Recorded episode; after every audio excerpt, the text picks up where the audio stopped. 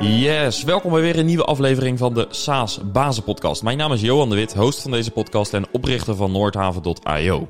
In deze podcast ga ik met SaaS-bazen in gesprek over hun business. En naast deze podcast is er ook een online community voor SaaS-bazen en een tweewekelijkse online meetup waarin we praten over onderwerpen die jou als SaaS-baas bezighouden. Ga naar saasbazen.nl voor meer info. Deze podcast wordt mede mogelijk gemaakt door Lead Info. Met Lead Info zie je welke bedrijven jouw website bezoeken, wanneer ze dat doen, welke pagina's ze bekijken en ga zo maar door. Hiermee krijg je beter inzicht in je leads, geef je een boost aan je sales en heeft marketing inzicht in het effect van je campagnes. Probeer Leadinfo nu gratis. Ga even naar leadinfo.com/saasbazen. Ja, nu we zo'n anderhalf jaar in coronatijdperk zitten, heb ik veel SaaS-bedrijven gesproken. En op een aantal na hebben de meeste commercieel gezien weinig last gehad van de gevolgen van corona. Veel zijn zelfs flink gegroeid. Voor het SaaS-bedrijf dat je vandaag hoort is dat anders. Ik praat met Matthijs Welle, CEO van Muse. Zij bieden een SaaS-oplossing met geïntegreerde payments voor hotels. En ze werden hard geraakt door corona. Matthijs vertelt hierover in deze aflevering. En zo hoor je bijvoorbeeld hoe ze van 450 naar 220 mensen gingen. En stel je voor, je richt een SaaS-bedrijf op. Je doet dat de eerste drie jaar zonder externe funding. Je werkt gigantisch hard. Je slaagt erin om met slechts een paar jaar naar 450 man te groeien. Je zit in een flow. En opeens moet je door externe omstandigheden afscheid nemen van ruim 200 mensen. Nou, Matthijs vertelt hoe dit was en hoe ze er ook in geslaagd zijn om het tij weer te keren, om de groeicurve weer te vinden. Want ze zijn bepaald niet verslagen.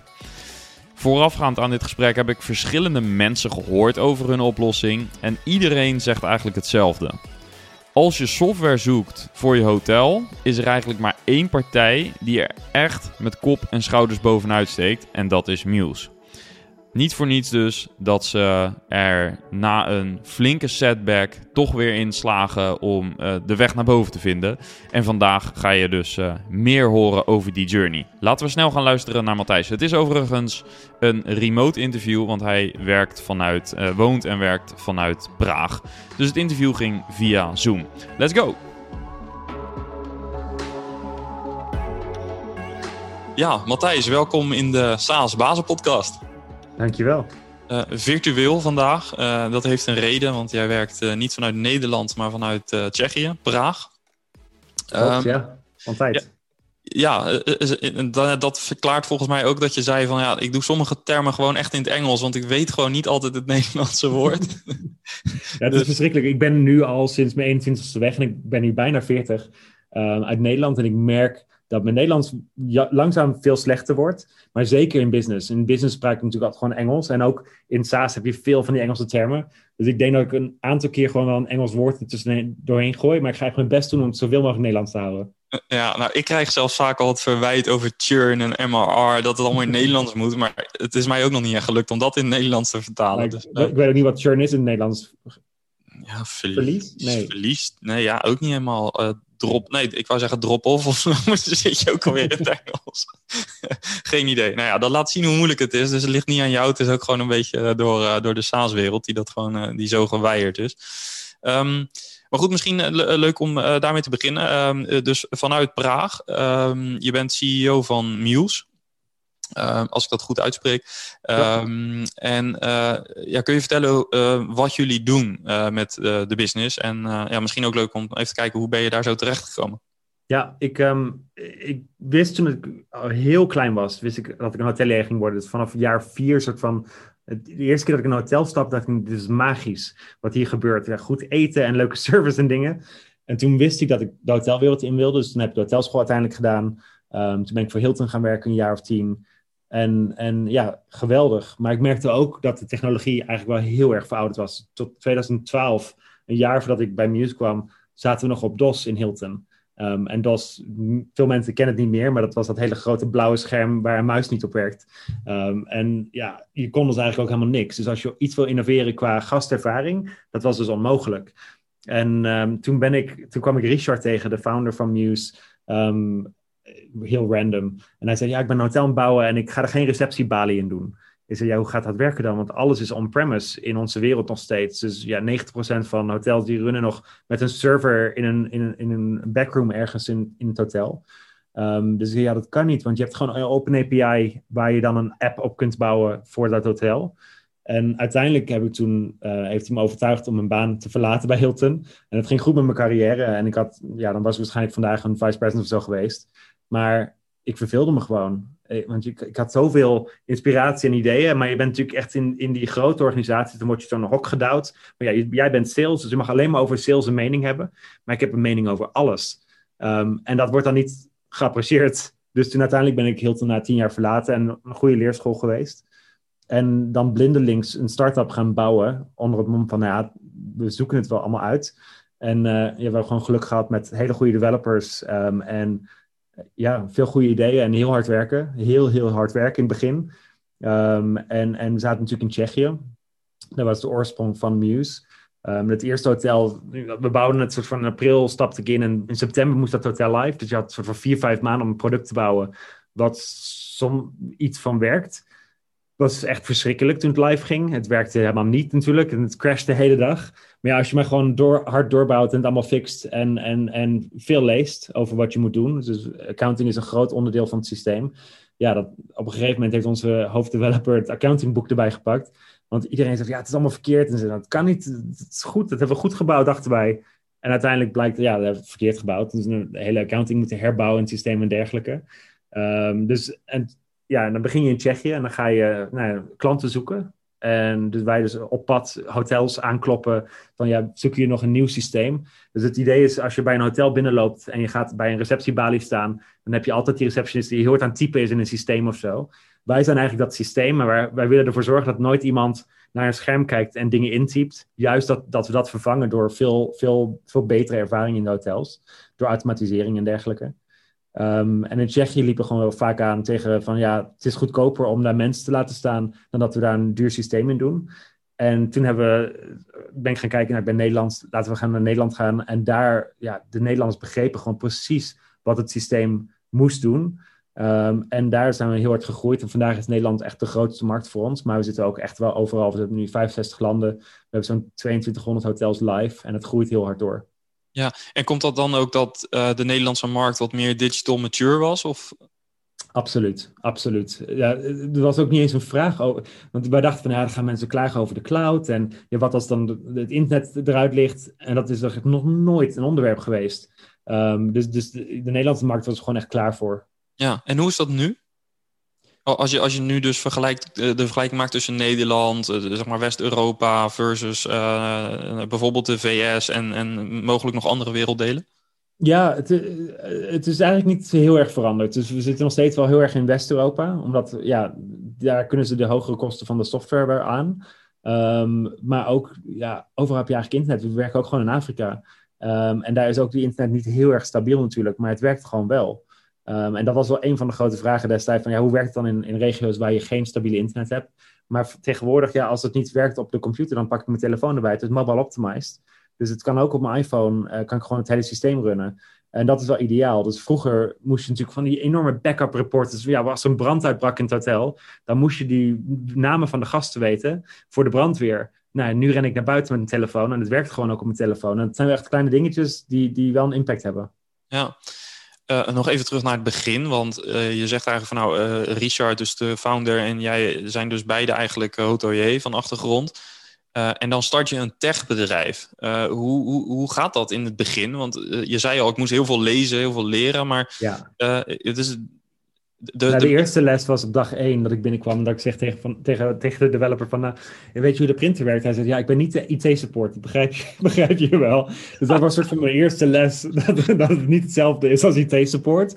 Um, en dan ga je inlezen over, ja, hoe, hoe, hoe ontwerp je producten? En we hebben gewoon echt wel heel veel, in het begin, we, we hadden, product eh, was niet echt een ding voor ons, product department. Want de developers die bouwden het product. En daar kwam pas na vier jaar achter dat we dat eigenlijk we zouden een product team op moeten zetten die eigenlijk alles designt. Dus ja, wij waren gewoon de product managers. Dus iedere keer ja, naar een whiteboard zo'n wireframe uittekenen, hoe we dat dan bedachten en zo. Um, en ja, dan kom je dan na een paar jaar achter dat we eigenlijk een product team hadden neer moeten zetten. Um, maar we mist, ja, zulke lessen die leer je gewoon door veel te lezen, veel boeken, veel met, met mensen te praten, maar ook door goede visies erin te zetten. Dus we zijn um, echt een van de beste VC's die geïnvesteerd heeft in ons, is Notion in, in Londen. Ja, en die hebben gewoon een heel platformteam die juist al die specialiteiten in-house hebben. En die kun je gewoon met iedereen in contact brengen, van grote namen en dergelijke. En dat heeft ons wel een soort van, eh, was een echt een eye-opener voor ons. Om een soort van ineens te zien, oh, zo moet het dus. En uh, ook het, het woord game changer, dat is wel echt bij ons binnengebracht van, het is leuk dat jullie allemaal founders zijn in het leadership team. Maar dat is niet heel gezond om te groeien. Want op een gegeven moment, je kan zoveel googlen, maar het houdt gewoon op op een gegeven moment. Want je moet een aantal dingen gewoon weten. Uh, want het vertraagt iedereen in het bedrijf als je alles moet googlen. Um, dus we hebben nu een heel gemixt leadership team ook. Want we hebben echt mensen aangenomen uit Salesforce, uit Cloudera, um, die ons ook ons als het founding team naar boven kunnen trekken. Ja, en al zou je nu, het is een beetje een cliché-vraag misschien, maar ik ben toch wel benieuwd naar. Al zou je het nu opnieuw doen, um, wat zou dan je, je eerste teamsamenstelling zijn? Ja, we waren in het begin heel erg heavy aan de tech-kant, want we waren natuurlijk echt een, een tech-bedrijf en veel developers erbij. En ik deed dan sales en product en support. Eigenlijk deden Richard en ik al die taken die aan de marketing en sales kant zaten. Ik denk dat zou, ik zou er eerder product team ingezet hebben. Want, dat, want hoeveel tijd onze developers hebben gespendeerd om dingen te ontwerpen, terwijl ze zouden moeten developen. Dat heeft ze echt vertraagd, denk ik. Um, maar ik zou er ook echt veel eerder marketing in doen. We hebben nooit echt een marketing funnel gebouwd ja, die eerste drie websites heb ik in elkaar geklust, soort van op, uh, op, Wordspace en dergelijke, oh, WordPress en, uh, en Squarespace. Um, en dat werkte prima, maar het werkte niet goed. En als ik nu kijk naar wat, we hebben een CMO binnengehaald een jaar geleden um, uit Londen. En nou ja, dat is echt world class. De dingen die die mevrouw aanlevert, dat is echt ongelooflijk. En dan denk je, ja, dat is niet te vergelijken met een, met een WordPress-website die ik zelf in elkaar klus en daar een leuke blog, blog op zet. Dus, uh, iedere dag hebben we nieuwe, uh, nieuwe content op de website. We hebben echt een strategie rond uh, SEM. Um, en, en die dingen, ja, dat, dat weet je gewoon niet. Dat weet je enkel als je dat geleefd hebt, tien jaar lang, 10, 15 jaar lang. Um, dus ik zou marketing zeker veel eerder beginnen.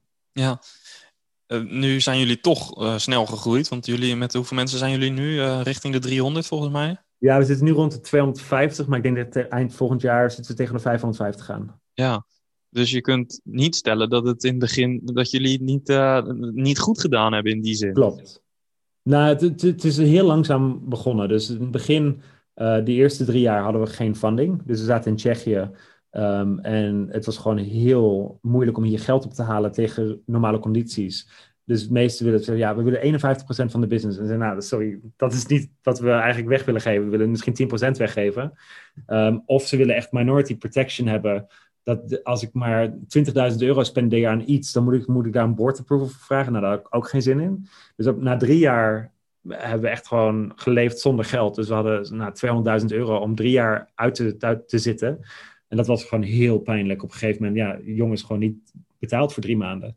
En dan komen we nog een paar keer weg met het excuus iets misgegaan met de bank en, en dergelijke.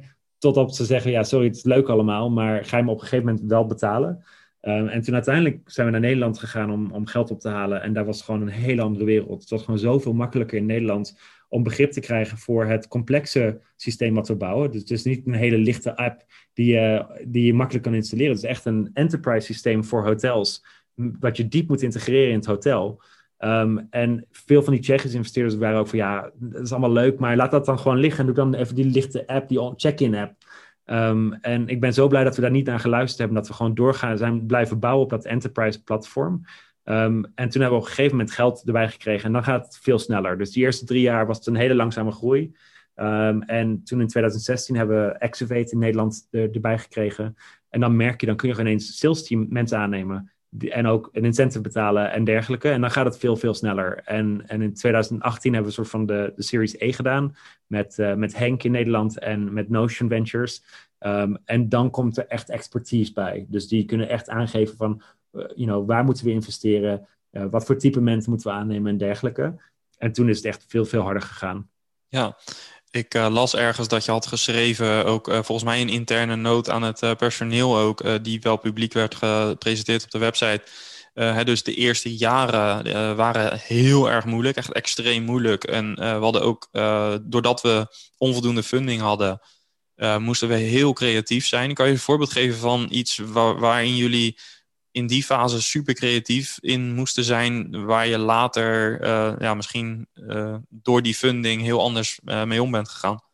Ja, cashflow management. Dus, dus ja, we betaalden mensen gewoon niet. Ook personeel aan de ene kant, maar die hadden wel de begrip voor, want ze, weten, ze wisten gewoon wel de positie waar we in zaten. Maar ook providers waar we mee werkten. Zo lang mogelijk niet betalen. En net doen of er iets misging met de bank en dergelijke. Um, en, en ja, oh, dat is weer die transfer verkeerd gegaan. Um, en, en dergelijke Ja, het is gewoon heel knullig. Maar ja, als je geen geld hebt, dan, dan geef je geld aan degene die het hardst roept en, en schreeuwt. Um, dus, en nu is dat natuurlijk gewoon compleet geautomatiseerd. Alles werkt gewoon. En ik kan me niet voorstellen dat we iets te laat betalen tegenwoordig. en, en ja, maar ja, ik, als ik nu terugdenk, zou ik het anders doen. Ja, ik zou niet weten hoe ik het anders gedaan zou moeten hebben destijds. Nee, ja, zonder wat ik nu weet. Ja, ja. Um, nu uh, geef je ook aan, we moesten uiteindelijk naar Nederland, want daar werd uh, nou ja, uh, de waarde wel erkend. Waar zat het hem dan in dat ze dat in Tsjechië niet zagen? Ja, in Tsjechië, het is, niet, het is een heel erg jong start-up klimaat hier. Um, dus dat is nu misschien acht jaar wel een stuk beter geworden. Maar destijds begrepen gewoon niet heel goed waarom wij een enterprise platform wilden bouwen. terwijl Oracle er al zat met een, met een legacy oplossing. En je zou zeggen dat juist... niet gewoon een leuke app erbovenop of zo. Je zou zeggen dat is juist een kans. sorry? Je zou zeggen dat is juist een geweldige kans. Als Oracle daar zit, dan... Uh... Ja, toch? Ja. maar nee, dat, dat begrip was er niet. En, en we deden ehm, het enterprise platform, maar erbovenop zit een payment. Dus als, ik zal je een voorbeeld geven. Als je op, uh, op de hotelwebsite een, een reservering maakt of op booking.com, dan doe je daar je creditcardnummer in. En dan meestal wat gebeurt in een hotel, in een back-office zit er iemand met een creditcard terminal, die 16 nummers voor jou in te typen op een terminal handmatig. Compleet eh, van de zotte dat dat gewoon zo gebeurt, maar dat zo gebeurt het gewoon nog steeds in hotels. En dat hebben we compleet geïntegreerd met ADN en met Stripe, omdat als een e-commerce soort van een platform in te bouwen, een beetje à la Uber. Dus bij een Uber loop je ook gewoon uit de taxi weg zonder te betalen en dat wordt dan automatisch afgerekend. En dat hebben we eigenlijk ingebouwd in onze oplossing. En dat is nu twee derde van onze revenue. Dus aan de ene kant hebben we de SaaS. Um, en daar komen klanten komen aan voor ons, bij ons om een SaaS-oplossing te kopen. En die zetten we dan in. En dan hebben we dat payment stuk, wat juist heel veel automatisering brengt bij het hotel.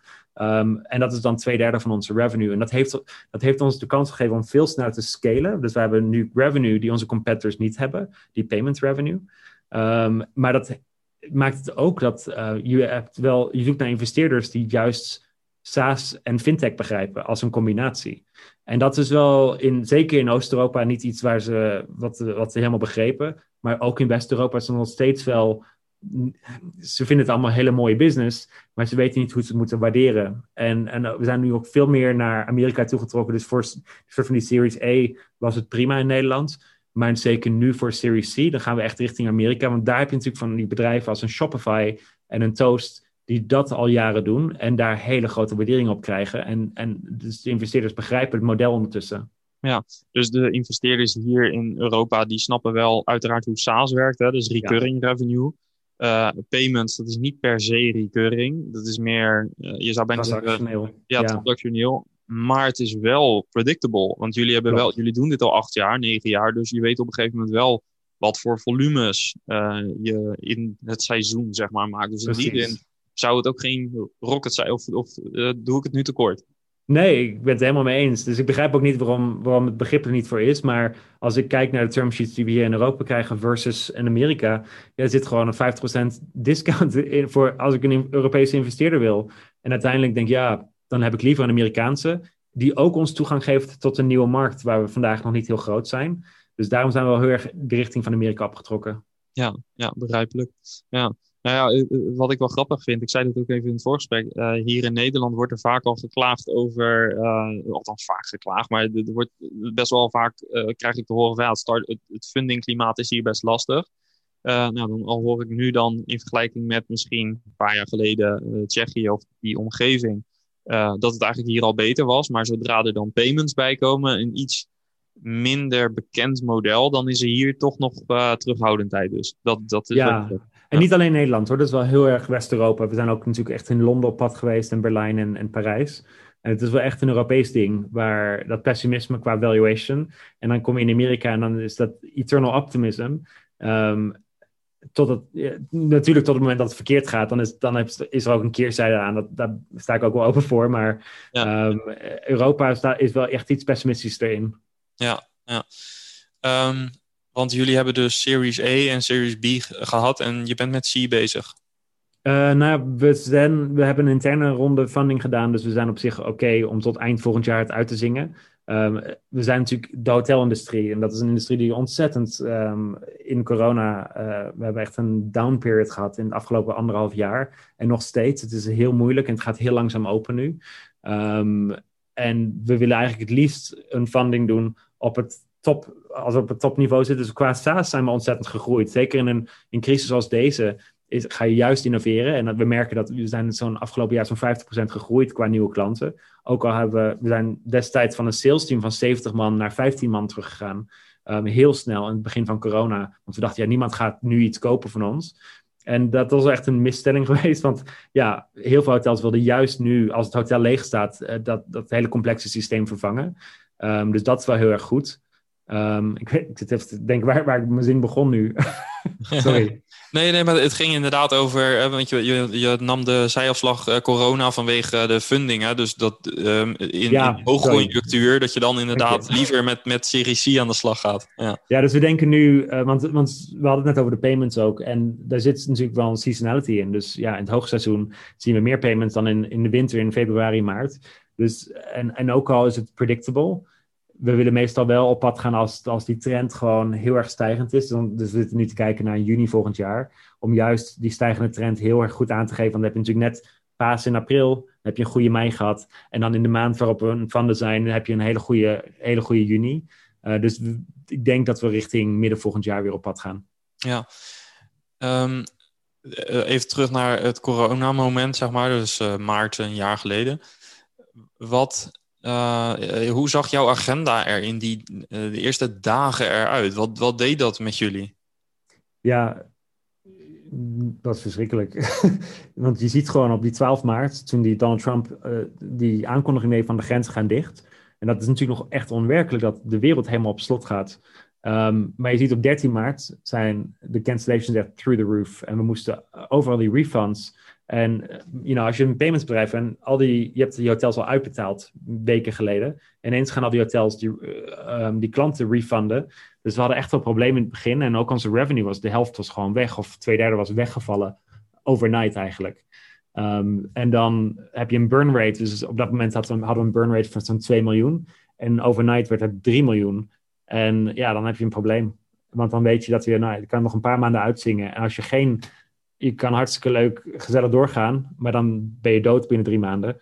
Um, dus toen hebben we echt een Excel-sheet exercise gedaan. Dus toen hebben we gedacht van, nou, we willen tot eind 2021 het uit kunnen zingen met het geld dat we hebben. Dus dan begin je onderaan je Excel-sheet en dan werk je naar boven toe van hoeveel revenue hebben we nog? Wat verwachten we dat er, hoe, wat er gaat gebeuren met die revenue?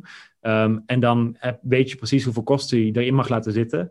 En toen zijn we van 450 man naar 220 man gegaan in een periode van ja, drie, vier maanden. We hadden mensen in twaalf landen. Dus we hadden echt kantoren aan de Champs-Élysées in Parijs en in Barcelona, in München. En die hebben allemaal gesloten. En, en ja, dan heb je twaalf landen. HR is natuurlijk een nightmare. Zeker in, in Frankrijk. Ook Nederland was heel moeilijk um, qua contracten en dergelijke. Uh, veel moeilijker dan Tsjechië was heel snel. De US was heel snel om te sluiten en dergelijke. Um, dus dat was een soort van de eerste drie weken. Dus je had echt dat eerste weekend, weet ik nog, toen, hebben we, ja, toen hadden Richard en ik van ja, en nu dan? En dan, dan belde het hele leadership team op, we moeten deze beslissing maken, we moeten 200 man eruit halen. Um, en dat gaat gewoon heel pijnlijk worden. Staan jullie er allemaal achter? En toen hebben het hele leadership team, die stonden er allemaal achter. En dan ga je. En dan, dan doe je een soort van ook je ogen dicht en dan ga, dan, dan ga je rennen. En dan, dan zorg je ervoor dat je zo snel mogelijk dat, dat plan uitvoert. Cut one, cut once, cut deep. Dat, dat, dat telt ook wel echt heel erg door. Dus ik ben ook blij dat we het in één keer gedaan hebben. En daarna heb je natuurlijk een soort van een culture destruction. Dus je hebt een hele leuke cultuur, leuke pingpongtafels overal. En op een gegeven moment, ja, dan merk je, iedereen zit thuis en ze zijn al hun vrienden kwijtgeraakt in het bedrijf. Dus dat was heel zwaar. Ehm, en toen richting september, oktober zagen we de, de, zo'n groen lichtje in de, in de verte van klanten waren wel aan het kopen. Um, en het ging ineens heel goed met, met, met de nummers en dergelijke. En toen hebben we echt wel tegen het bedrijf gezegd: jongens, we moeten nu echt die hoek omslaan. Want het is zwaar geweest. Maar als we zo in, in de pakken neer blijven zitten, ja, dan wordt het ook niet beter op. En, en sinds, sindsdien is onze employee net promoter score nu rond de 50. En dat kwam voor corona van een 65 af. En toen met corona is het echt geplammerd naar 20, 20 uh, punten. Dus hij gaat nu echt de goede richting op. Maar dat is wel echt een, een heel hard werken aan de cultuur weer. Ja. Wat heeft dit voor jou persoonlijk gedaan? Want je zei ook, ja, je moet bijna, ik weet niet het woord wat je precies zei, maar eh, eh, zorgen dat je bijna verstand op nul en gewoon handelen, zeg maar. Ja. Maar ja, je bent ook, je bent CEO, dus dat is je professionele rol, maar je bent ook mens. Ja, ja, shit. Het was echt gewoon niet leuk. En, en ik wilde ook niet mensen ontslaan en er niet bij zijn. Dus ook als mensen naar kantoor kwamen om een soort van uh, hun papieren te tekenen, was ik daar ook gewoon. Omdat het gewoon niet eerlijk was hoe dat gedaan werd. Ik denk, ja, het is een virus en ik kan er ook niks aan doen. Was er nu niet geen corona geweest, dan ging het hartstikke goed met het bedrijf. Dus ik ben ook wel echt uh, calls gehad met al die mensen. Gezorgd dat ze allemaal uh, uiteindelijk banen kregen overal op hun LinkedIn. recommendations schrijven en dergelijke. Maar op een gegeven moment is dat gedaan. En dan merk je, dan zit je alleen thuis. En dat was wel heel zwaar. Um, en ook mentaal. Ik merk het ook gewoon vaak nu. Omdat je nu al anderhalf jaar soort van vanuit huis werkt dat ik, ja, het is niet leuk. Ik, ik mis mijn team en ik ben echt heel erg persoonlijk mens. Ik wil echt juist mensen zien en, en, en aanraken ook. Um, soort van, hey, hoe gaat het en dergelijke. En dat heb je gewoon niet meer. Nu zit je in een conference call en dan, het is niet hetzelfde. We hebben nu afgelopen twee weken eindelijk het hele leadership team weer bij elkaar gekregen in een meeting room. Nou, echt, de discussies is echt next level. Um, en dat is niet te vergelijken met wat je op een conference call doet. Um, en daar krijg ik gewoon heel veel energie van. Maar dat is, dat, ja, afgelopen maanden was dat gewoon persoonlijk heel zwaar, ook mentaal. Want ik, ik merkte dat ik gewoon s ochtends niet naar mijn computer wilde. Um, en je moet wel, want je moet doorpakken. En ik ben gelukkig eh, uiteindelijk op vakantie geweest een week uh, naar Oostenrijk, waar ik normaal nooit heen ga. Ik ga naar de kust of zo. Maar ja, we moeten met een auto ergens heen rijden, dus hup naar Oostenrijk. En dat doet wel heel erg heel veel, heel veel goed. Maar ik moet nog wel veel meer aan mezelf werken, denk ik, in de komende maanden. Ja, nou, je had een tijdje geleden een hele mooie LinkedIn-post waarin je dat ook schreef. Hè, dat uh, je door het managementteam eigenlijk ook uh, die, die, uh, gegund werd om um, gewoon even 100% uit te staan. Ja, en ik doe dat. Ik, en ik, ik, ik heb het nooit zo extreem gedaan, maar ik denk dat ik dat wel blijf doen. Op zich, ik heb echt soort van alles gedelete van mijn phone, dat ik ook niet ernaar kon kijken. Maar ik ben redelijk gedisciplineerd daarin. Normaal ook wel, ook s'avonds. Ik, ik, moet, ik heb mijn slaap nodig, dus om zeven uur gaat mijn computer uit en ik kijk er ook gewoon niet naar. Um, want als ik dat wel doe, dan slaap ik gewoon niet. En dan functioneer ik de volgende dag ook niet. Dus ik, ik, heb echt, ik ben heel erg van de routine. Heel erg van, ik moet acht uur slapen. Ik moet iedere dag uh, een workout erin, uh, doen, s ochtends vroeg. En dan voel ik me gewoon goed voor die dag om juist te positief in te staan. Um, en, en vakantie doet een dergelijk iets met je. Maar juist um, doordat je meerdere dagen niet naar je e-mails kijkt dat zorgt voor een rust die je zelf dan vindt. En ik, ik heb ook nu echt wel besloten dat ik dit jaar nog minimaal vijf weken op vakantie ga.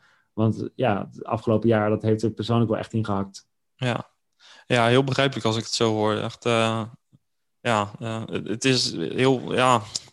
Ja, je, kunt, je kunt er gewoon echt niks aan doen aan zo'n situatie. En, nee, je moet on, en, en je moet dan wel na uh, ja, zulke heftige beslissingen... moet je daarna ook wel weer de energie zelf hebben en de energie naar het team uitstralen, naar de klanten, naar eigenlijk iedereen die erbij betrokken is, om ook weer vooruit te kijken. Want jullie hebben gigantisch veel ambitie, je hebt allerlei prijzen gewonnen, uh, uh, je, je, zit in zo'n flow.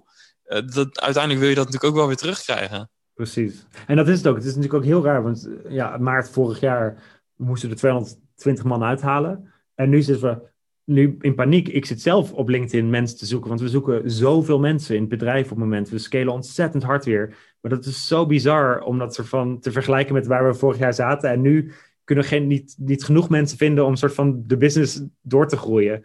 Um, dus wat er allemaal gebeurt is ontzettend positief. Um, maar dat betekent niet dat you know, ik, maar ook mensen in het bedrijf, niet de schade hebben nog steeds van, van het afgelopen jaar. En dat zit er nog wel echt wel in. En ik merk ook, het kantoor hebben we nu geopend weer in Praag. Nou ja, er lopen vanuit de 150, 160 man die we hier in Praag in dienst hebben, 20 man rond. Ja. Ehm, en dat vind ik echt zonde. Maar ja, dat is het nieuwe model uiteindelijk. Dus we gaan het helemaal herconfigureren in het kantoor ook nu. Ehm, maar ik mis de mensen nog steeds wel heel erg. Ja. En, en hoe zou je het in de toekomst gaan inrichten? Eh, wordt het meer eh, een soort van eh, combinatie tussen huis en kantoor? Of? Ja, dus, mensen, we hebben het gevraagd, we hebben een poll gedaan en mensen willen twee tot drie dagen in kantoor werken. Dus wat we nu doen is juist meer een coworking eh, kantoor bouwen. Dus we hebben natuurlijk het systeem voor hotels, maar dat gaan we gewoon dogvoeden zelf. Dus we gaan het implementeren om, dan kun je eigenlijk je, je, je bureau boeken van tevoren. Of een soort van eiland van bureaus als je met een team samenkomt. Ehm, dus dan kunnen ze, één is heel goed, want dan ervaren ze ons systeem iedere dag. Maar ook dan, dan bete- betekent dat we gewoon veel meer flexibiliteit hebben om door te groeien. Zonder dat we ook nog duurdere, grotere kantoors eh, erbij hoeven te kopen. Dus niemand krijgt zijn eigen bureau meer, ook ik niet. Ehm, en dat geeft die flexibiliteit juist. Ja, dat is ook wel even wennen, denk ik. Ja, het is heel raar. dan kom je binnen met je tasjes ochtends en dan zit, zit- ja, waar zit ik dan? Ja. Ik weet het niet. Ja. ja, dat is dan toch ja, ook wel weer de nieuwe, het nieuwe model dus. Ja, ja. Ja, dus, dus een beetje. Aan de ene kant hebben we flexibele desks. Dus ieder, iedere desk komt met twee schermen en dat staat her, vooringestalleerd en dergelijke. Maar dan ook meer ju- juist een café inbouwen met, met veel zithoekjes. Want mensen die willen gewoon juist dat ervaring, die ervaring hebben van een coffeehouse. Ehm, dus ik denk dat we ook een café in gaan bouwen met veel sofa's en stoelen die comfortabel zijn en dergelijke. Want mensen zijn het gewend nu vanuit huis. ja. En nu kan ik me voorstellen, we hebben het over het team gehad. eh, maar je hebt aan de andere kant natuurlijk ook te maken met klanten die het moeilijk hebben. Ehm, d- daar sta je denk ik ook mee in contact eh, veel. Omdat je normaal gesproken heb je salesgesprekken. Ja. Eh, nu had je denk ik hele andere gesprekken. ja, helaas was ons customer success team destijds een soort van churn prevention squad geworden eh, afgelopen jaar. Want ja, we willen niet dat klanten weggingen, maar uiteindelijk als je kijkt, de, het merendeel van hotels is gesloten geweest voor meerdere maanden tijdens de corona. En onze churn in een normaal jaar is 5%. In coronajaar was het 10%. Dus we hebben een soort van additional churn van 5, slechts 5% gehad, terwijl de hele industrie gesloten zat. Um, en dat is ontzettend goed, maar dat, dat is ook een credit naar ons customer success team, die juist heel erg creatief geweest is met, met invoicing en billing en dergelijke, om, om uiteindelijk niet die klanten te verliezen. Maar het, ja, dat, het was niet hun baan. Dat, je, je vraagt mensen om een baan te doen dat, wat niet hun baan is. Maar ja, het is all hands on deck op dat moment. Ja, ja, voor Ehm, iedereen. en- ja. En ja, precies. En nu moeten ze gewoon weer terugzetten om een soort van juist. Want nu, ga- nu gaat de hele industrie open. Dus nu heb je geen discussies meer over die invoice die niet betaald wordt en dergelijke. Dus nu proberen ze juist ook die hoek om te laten slaan van ja, upselling en expansion revenue en dergelijke. de kansen pakken weer. Precies. En eh, eh, zeg maar, als het gaat om die, eh, die sales cycle, hè, die, die duurt bij jullie ongetwijfeld al iets langer, ehm, omdat het natuurlijk een strategische aankoop is. Hè. Het is inderdaad wat je al zei, het is niet even een app die je toevoegt, maar je hele organisatie gaat ermee werken. Ehm, vo- je zei volgens mij ook dat in die periode eh, van corona dat eh, sommige hotels juist nu gingen kijken naar software, omdat ze misschien ook weinig andere dingen te doen hadden. Dus eh, jullie sales kon wel door blijven gaan, alleen de deal viel misschien minder. Of hoe, Ja, en wat ik zei eerder over van, ik had, ik, I wish that I had invested in marketing earlier. En dat, dat is omdat we hadden 70 mensen in sales destijds zitten, maar die moesten hun eigen leads creëren. Want we hadden geen marketingfunctie die die pipeline invulde. Um, en toen hebben we het teruggehaald naar 15 man.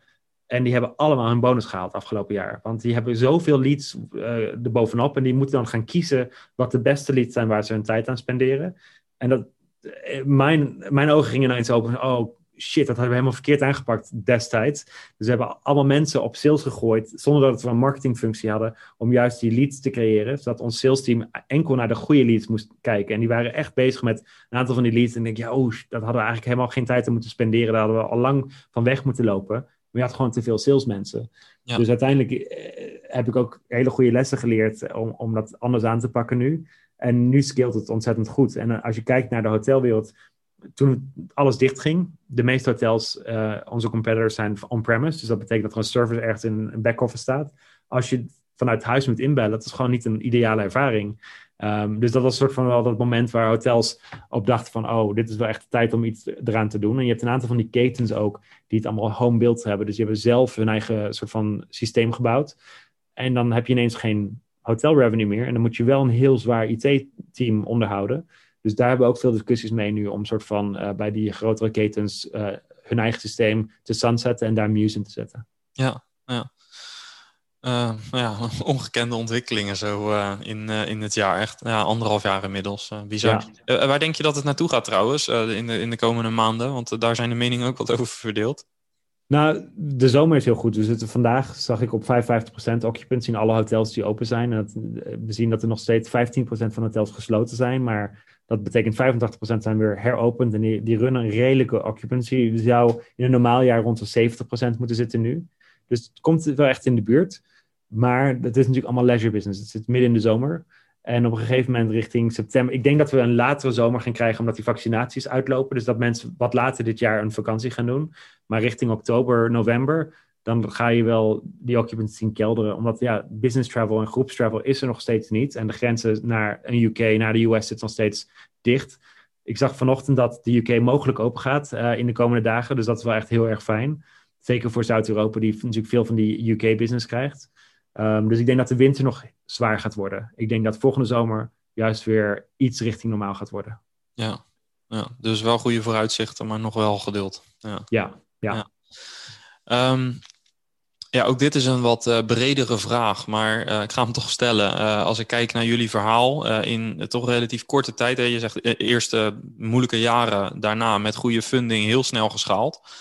Um, wat is nou echt het geheim? Want er zijn heel veel SaaS-bedrijven in Nederland, maar er zijn er relatief weinig die zo snel gegroeid zijn naar die 450 man, zeg maar, waar je het over had. Dus wat, wat, vanuit jouw rol als, als CEO, wat maakt nou echt het verschil?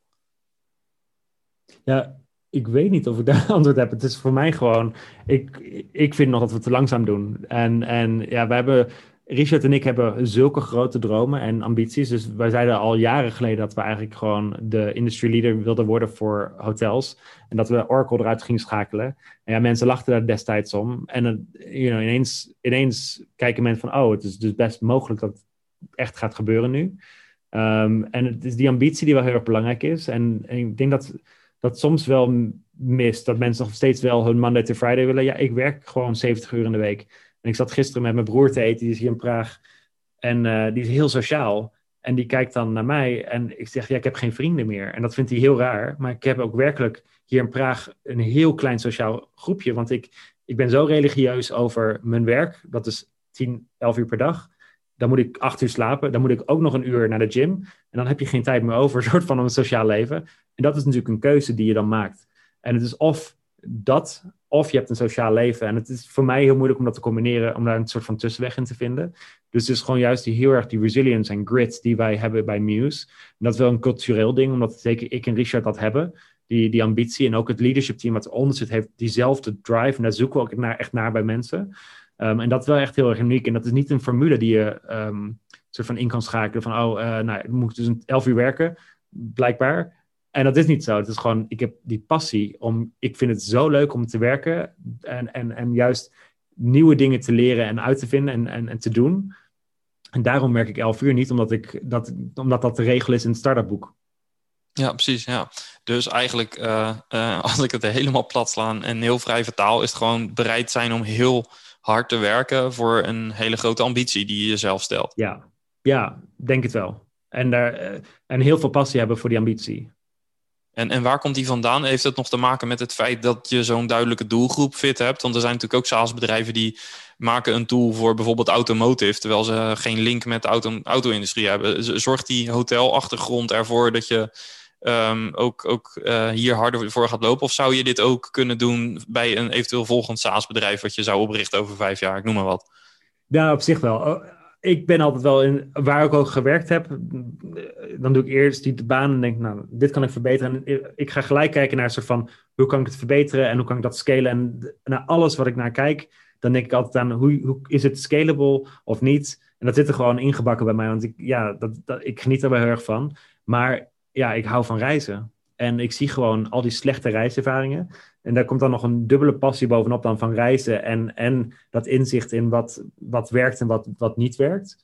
Um, en dat maakt het wel echt uniek voor mij. Zeker met de Muse. Dus ik kan me ook niet voorstellen dat ik na Muse weer een start-up begin en iets anders doe. Want ik, ja, uiteindelijk is dit soort van mijn grote droom. Ehm, en ik geniet hier zo van. Ik kan me ook niet voorstellen dat ik in de komende tien jaar Muse verlaat. Want ja, dan, wat moet ik dan? Dan zit ik op mijn veertigste retired op een strand. Na, na, na een maand of twee is leuk. En dan op een gegeven moment dan krijg ik weer die, die drang om iets te doen. En ik denk dat het automatisch wel weer naar technologie en hotels toe trekt. Dan denk ik, ja, dan moet ik Muse herbouwen. En dat, ik heb het perfecte bedrijf al gebouwd. Dus um, ik blijf zo lang mogelijk hier. Maar ik moet wel, denk ik, de tijd voor mezelf in leren bouwen. Want dat is wel echt, het is wel echt ongezond wat ik nu doe hoor. Dat, dat soort van geen sociaal leven en heel hard doorwerken. En ik moet juist die tijd inbouwen om mijn, mijn echte vrienden wel te zien en vakantie te nemen en dergelijke. En die keuzes heb ik gewoon niet echt gezond gemaakt de afgelopen jaren. Wat heeft het je gekost? Want het, wat het je heeft opgeleverd is duidelijk, hè? Uh, deze business. Um, het, zie je ook uh, bijvoorbeeld de, de, dat je die minder, minder sociale contact hebt. Vind je dat ook, zie je dat ook als kosten? Of uh, is dat een investering? Ja, wel. Hoe, hoe, kijk je daarnaar? Ja, wel, want, want je geniet niet zoveel meer. Je, ik geniet van het werk, maar dat, sociaal. Ik was de afgelopen week in Nederland en dan zie ik gewoon vrienden van school en uh, gewoon echt vrienden. Van die mensen die je dan twee jaar niet ziet en dan is het gelijk leuk. En dat is wel heel zeldzaam. En ik doe dat gewoon niet genoeg. En ik merk als ik dan daar in dat moment ben, dan denk ik, oh, wat heb ik dit toch erg gemist. Dat gewoon lachen om hele gekke dingen. Um, en dat heb je gewoon niet in het dagelijks leven als je aan het werk bent. En ik moet gewoon naar die balans wel erg in vinden. En dat, daar, dat, daar heb ik wel echt onder geïnvesteerd. En ik heb daar denk ik ook wel echt wel vrienden door verloren, helaas. Ja, en um, waar haal jij voor jezelf de, of, of uit je omgeving, waar haal je de support vandaan om dit vol te houden? De, die, die, nou, die werkdagen van 11 uur en uh, dat ook uh, meerdere dagen in de week? Uh, weet ik niet, het werkt gewoon. mensen, ik ben altijd ambitieus geweest. Ik ben heel erg irritant. Ik was het jongetje voor in de klas met de hand in de lucht de hele dag om vragen te stellen en dergelijke. Dus iedereen die me kent, die weet ook wel dat, dat ik uiteindelijk een dergelijk iets zou gaan doen. Dus mensen die echt mijn vrienden zijn, die begrijpen het ook gewoon. Dat ik niet bereikbaar ben door de week en dergelijke. Um, en, en ook mijn vriend, die, die is daar gewoon heel erg die heeft er ontzettend begrip voor. Want hij ziet waar ik vandaan kom. Um, de pijn die we gehad hebben afgelopen, afgelopen jaar. En um, ja, mensen begrijpen het wel. Ja, ja dus maar dat betekent ook dat je wel, denk ik, als ik het zo hoor, de mensen om je heen hebt verzameld die het begrijpen. Eh, die het begrijpen. Oh, ja. Ik schiet even vol, maar dat is, dat is niet heel emotioneel, maar dat is gewoon iets wat in mijn keel schiet. um, maar dat is natuurlijk wel, ik, ik spreek heel veel SaaS-bazen natuurlijk. En uh, er zijn meer SaaS-bazen die inderdaad aangeven, ja, mijn sociale netwerk is wel heel erg veranderd of uh, vaak gekrompen. Um, maar het kan ook uh, op een gegeven moment zijn dat, je, uh, dat, er wat onbegrip in je omgeving ontstaat over je werk te veel, dat soort dingen. Uh, maar het klinkt wel alsof je dat goed in balans hebt. En dat je, of in balans, maar dat je in ieder geval voldoende begrip om je heen hebt om dit te kunnen doen. Ja, wel. En ik denk ook, als je ouder wordt, dan weet je wat je, je, je tijd waard is. En, en ik zeg ook gewoon vaak nee. Als ik denk van ja, ik weet niet, ik weeg dan af als iemand me uitnodigt voor een diner, dan weeg ik af, ja, is het het waard dat ik dan de volgende dag me brak voel en da daar zo'n dag in ga? Um, en ik zeg ook gewoon vaker nee, omdat ik gewoon echt voor mezelf kies daarin. Maar als het echt you know, mijn beste vrienden zijn, die begrijpen dat. Maar dan weten ze ook dat ik hun later wel terugbel om het her te plannen in een weekend of zo. Ja. Um, en, maar je kiest gewoon, je weet dat je tijd veel geld waard is nu. Um, dus je moet gewoon goed kiezen welke sociale gelegenheden je wel wil doen en welke ja, waarschijnlijk niet genoeg waarde toevoegen. En nou, mogelijk wordt mijn, mijn, mijn omgeving kleiner en kleiner en kleiner in de toekomst daardoor. Maar ja, nu werkt het gewoon goed. Ja, en uh, misschien kleiner, maar wel, uh, als, het gaat vooral denk ik om begrip. Als uh, de, de paar mensen om je heen wel heel erg supportive zijn, is dat denk ik meer waard dan je een heel groot netwerk ja. met mensen die niet begrijpen wat je aan het doen bent kwaliteit contacten. Ja. Precies, ja, ja mooi. Um, ja, ik probeer altijd af te sluiten met een uh, finale uh, tip, zeg maar iets wat je wil meegeven. Maar ja, ik vraag me even hardop af of uh, we dat al niet voldoende gedaan hebben. maar misschien toch voor de luisteraar, het zijn vooral zelf ook ondernemers met een SaaS of een techbedrijf. Um, wat, wat, wat heb jij geleerd van al die tegenslag waar we het misschien nog niet over gehad hebben? Um, wat, wat je zou willen delen met ze? Nou ja, ik, ik ben persoonlijk gewoon heel erg open. Ik heb niet echt een filter, uh, zoals jullie waarschijnlijk gemerkt hebben ondertussen. Um, dus ik zeg eigenlijk alles wat ik denk. En in de corporate wereld ja, dat was een probleem, want ik zei gewoon te veel. Uh, en, en ik merk dat is nu bij ons in de cultuur zo ingebouwd, door juist die complete openness in, in, in het bedrijf te hebben. Tot we werken nu aan de salaris om die compleet open te gooien ook. En, en dat is echt het laatste niveau van complete openness, denk ik. Um, en het werkt ontzettend goed. Want ineens, ja, je, kan overal over praten met het hele team. Dus je hoeft nooit te denken van, ja, kan ik het daarover hebben of niet? Um, en ik geniet daar ontzettend van. Dat we juist zo'n heel open bedrijf hebben gebouwd. En, en het werkt ook echt. Want mensen die zijn altijd bang van, ja, als ik nou deze informatie geef, dan weten ze niet hoe ze ermee om moeten gaan. Ja, dan moet je dat educaten. Dan moet je daar, you over valuations bijvoorbeeld. Iedereen in het bedrijf is een shareholder. Dus we hebben een, een options pool van zo'n 23% van het bedrijf is aan onze employees weggegeven. Maar ze weten dus niet wat de waarde ervan is. Dus ja, dan, dan, moeten we, dan leggen ze uit hoe je een, een SaaS fintech business een value aangeeft en dergelijke. We hebben nu ook een platform gebouwd waar ze op live kunnen zien wat hun, hun shares, uh, hun waarde hebben. Dat zijn echt dingen die ik normaal niet zie in een, een SaaS bedrijf. Maar die openness, dat helpt juist om, om het hele team achter de missie te zetten. Want ze zien gewoon, als je een verkeerde beslissing maakt, dat heeft een impact op de valuation van het bedrijf. Ja. Um, en ik, denk, ik ben wel echt voor complete openness. En ik denk dat veel bedrijven dat veel beter kunnen doen. Ja, uh, ja mooi, uh, mooi inzicht, denk ik. Uh, want jullie willen uiteindelijk zo snel mogelijk de unicorn-status, hè? Ja, die halen we snel. Dus ik, we zijn de unicorn sowieso volgend jaar. Maar het is gewoon. En het, is niet, het gaat niet om die billion dollar valuation uiteindelijk. Het gaat meer. Je krijgt een soort van een erkenning als bedrijf dat je dat behaald hebt. Maar het is ook gewoon qua recruitment. Wij willen juist het beste van het beste mensen binnenhalen. En we zijn een, een B2B SaaS in travel. Dus het is echt wel een niche. En mensen die kennen het gewoon niet. En juist met dat unicorn status aan de ene kant naar klanten toe. Het, dat geeft zeker in de enterprise segment wel een status. Maar ook qua hiring. We willen gewoon de beste, beste mensen kunnen aannemen van een Google en, en dergelijke. Maar dat betekent dat we gewoon ons bedrijf moeten leren kennen. En een unicorn status helpt daar heel erg in. Maar het is gewoon van één van de vele stappen naar een decacorn of hoe, hoe groot we ook gaan worden. Ja, de ambitie is groot. Gaaf om te zien. ja, helemaal goed. Uh, ja, ik wil je heel erg bedanken, want ja, ik weet, ik wist al dat je tijd kostbaar was, maar uh, dat is bij deze nog bevestigd. Dus echt super gaaf dat je het verhaal uh, wilde delen. Voor de mensen die meer over jullie willen weten, um, muse.com. En uh, ik zal even zorgen dat de website ook in de show notes te vinden is. nogmaals, ontzettend bedankt. Graag gedaan. Anytime. Yes, en ben je op zoek naar meer inspiratie? Schrijf je dan in voor de SaaS-bazen Meetup. En luister niet alleen naar het laatste SaaS-nieuws, maar krijg ook een inkijkje in case studies van andere SaaS-startups en scale-ups. En neem zelf ook actief deel aan het gesprek. Ga naar saasbazen.nl en klik op, op Meetup voor meer informatie. Bedankt weer voor het luisteren. Laat een review achter om ons te helpen om de podcast steeds beter te maken. En hopelijk tot volgende week. Bye bye.